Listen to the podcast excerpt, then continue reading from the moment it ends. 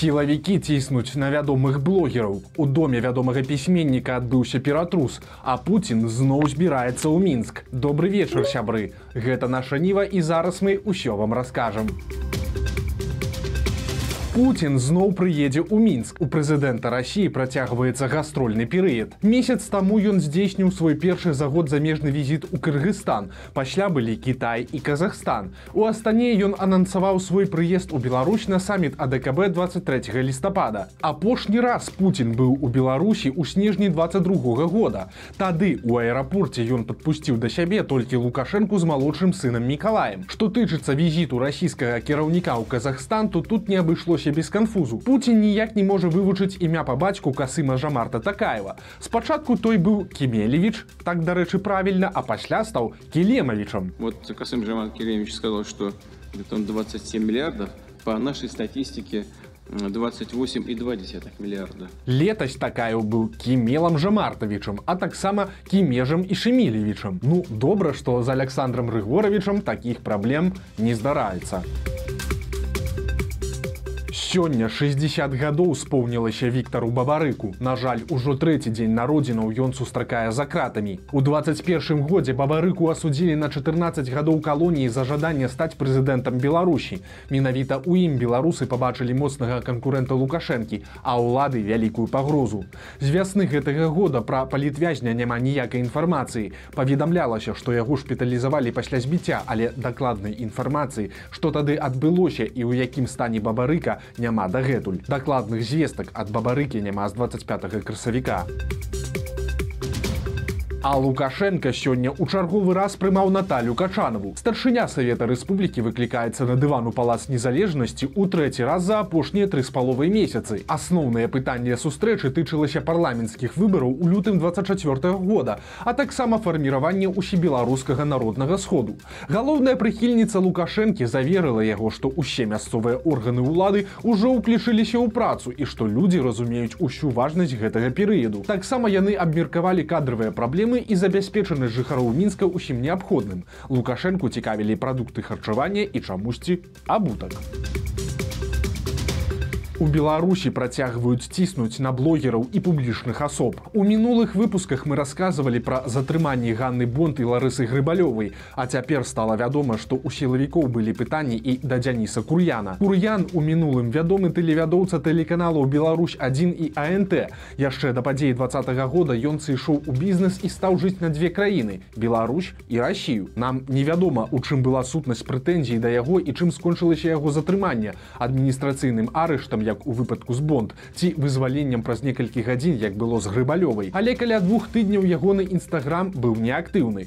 У размове з порталам точка бай кур'ян абверг інфармацыю пра сваё затрыманне і сказаў што з ім усё ў парадку а пасля апублікаваў фото з жонкай у нстаграме аднак губазік пацвердзіў што у іх былі прэтэнзіі і умовы да блогераў. Чалавекі ў сваім тэлеграм-канале прамым тэкстам заяўляюць што тыя блогеры хто не выкажа сваю пазіцыю страцяць рэкламныя кантракты. Абазнаныя кры крыніцы нашай нівы кажуць што напярэдадні чарговых выбараў лукашэнкаўцы цалкам хочуць зачысціць публічнае поле. Каб у ім не было нікога хто быў бы хаця б адносна незалежны. Ад затрыманых патрабуюць цалкам адмовіцца ад медыйнай актыўнасці і бізнесу. Адметна што калі раней рэжым лукашэнкі змагаўся з тымі хто выказваўся супраць яго то цяпер ён бачыць пагрозу нават у тых хто наогул не выказваецца пра палітыку. Каб так званыя лідары меркавання ўхадзілі па тэлеканалах ездзілі да міліцыянтаў і вы выкрадзеных ва ўкраіне дзяцей як гэта робяць напрыклад сёстры груздзевы сілавікі прыйшлі з ператрусам да бацькоў сашы філіпенкі. Пра гэта сам пісьменнік і журналіст напісаў у фейсбуку цытата у мяне дома ператрус сем чалавек з аўтаматамі. Бацьку забралі а маці сказалі скажыце дзякуй сыну. Відавочна што ціснуць на мяне і хочуць каб я перастаў выказвацца ў еўрапейскай прэсе канец цытаты. Саша філіпенко адзін з найбольш вядомых беларускіх аўтараў. Ягоныя кнігі перакладзеныя на многія замежныя мовы. До два -го года ён жыў у рассіі і працаваў у незалежных сМ філіпенко рэзка і адкрыта крытыкуе беларускія і расійскія улады і за гэта яны вырашылі адпумсціць, але зноў жа самымі брыдкімі метадамі Стала вядома, па чыей ініцыятыве са школьнай праграмы выключылі раман Уладзіміра Караткевіча каласы пад сярпом тваім. Гэтым пахваліўся прапагандыст і дырэктар нацыянальнай бібліятэкі Вадзім Гігін у эфіры БТ. На думку Гігіна знакаміты твор не садзейнічае фарміраванню ў школьнікаў гістарычнай памяці, якая патрэбная уладам. Это была моя инициатива. Я докладывал об этом на Совете по исторической политике. Это любопытный, интересный роман нашего выдающегося классика Владимира Короткевича. Но школьная программа – это формирование определенной исторической памяти. То, как в этом романе, это художественное произведение, каждый человек может с ним прийти, ознакомиться, но то, как преподнесены события 19 века, там очень много вымысла, там очень много выдумки, там различные реальные исторические персонажи показаны, э, да, в восприятии нашего выдающегося писателя, но не так, как они реально предстают из исторических документов. Прапагандыст абвінаваціў пісьменнікаў у скажэнні гістарычных фактаў у мастацкім творы. Цяпер, па слова Гігіна, каласы замянілі на чорны замак альшанскі, у якім лукашэнкавіц не знайшоў перакосаў. Выказаўся прапагандыст і пра Васіля быкова. Ён абвінаваціў праціўнікаў лукашэнкі у тым, што тыя глядзяць на пісьменніка толькі з пазіцыі ягоных ідэалагічных поглядаў. Гігін параўнаў быкова са львом толстым, якому адлучэнне ад царквы і супярэчнасці з уладай не перашкаджалі паспявалі быць вялікім пісьменнікам. Але калі б словы пацвярджаліся справамі. За 20 гадоў пасля смерці народнага пісьменніка ў мінску так і не з'явілася вуліцы ў яго гонар. У 26 бюджэтных установах пройдзе так званы сацыяльны эксперымент. Іх супрацоўнікам павысяць заробкі, але за кошт звальненняў. Прычым вырашаць, хто застанецца, а хто трапіць пад скарачэнне, будуць вырашаць самі супрацоўнікі. Але і тут ёсць нюанс. Заробкі-то павысяць, але павялічыцца і нагрузка. Ну і як пасля глядзець у вочы калегам, якіх ты пазбавіў працы. Таксама варта дадаць, што заробкі бюджэтнікаў у Беларусі самыя нізкія ў краіне. Сацработнікі атрымліваюць 1103 рублі. Настав настаўнікі 1290, а медыкі 1650. І гэта ўсё да выплаты падаткаў. Такое вось слабае звяно на айчынны манер.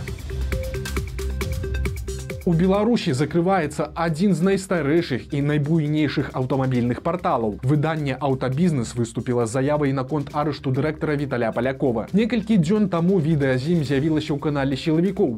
Затрыманне было па палітычных матывах і лукашэнкаўцы пагражалі ўладальнікам бізнесу.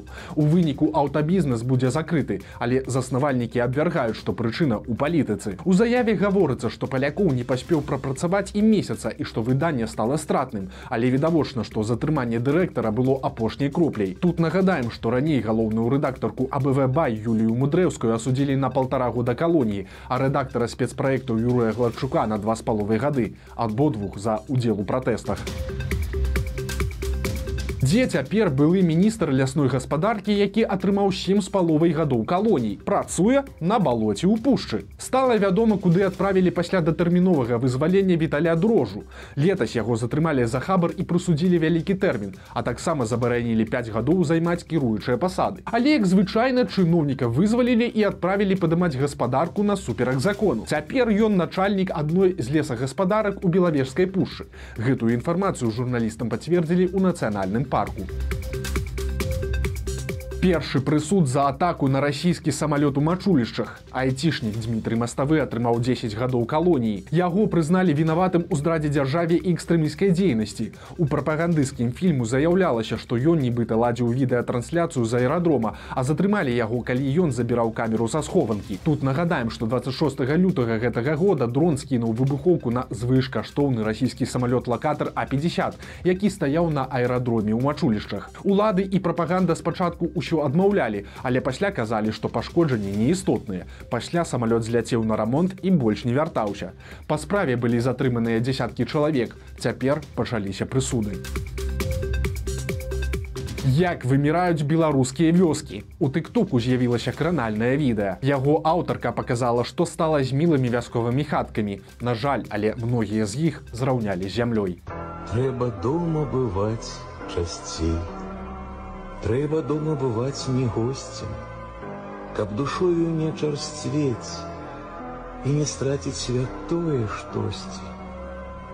Не забыць сцежкі той, што цябе на дарогу выводзіла з дому, што ў хаце там быў рубель, у цане і пакусу старому.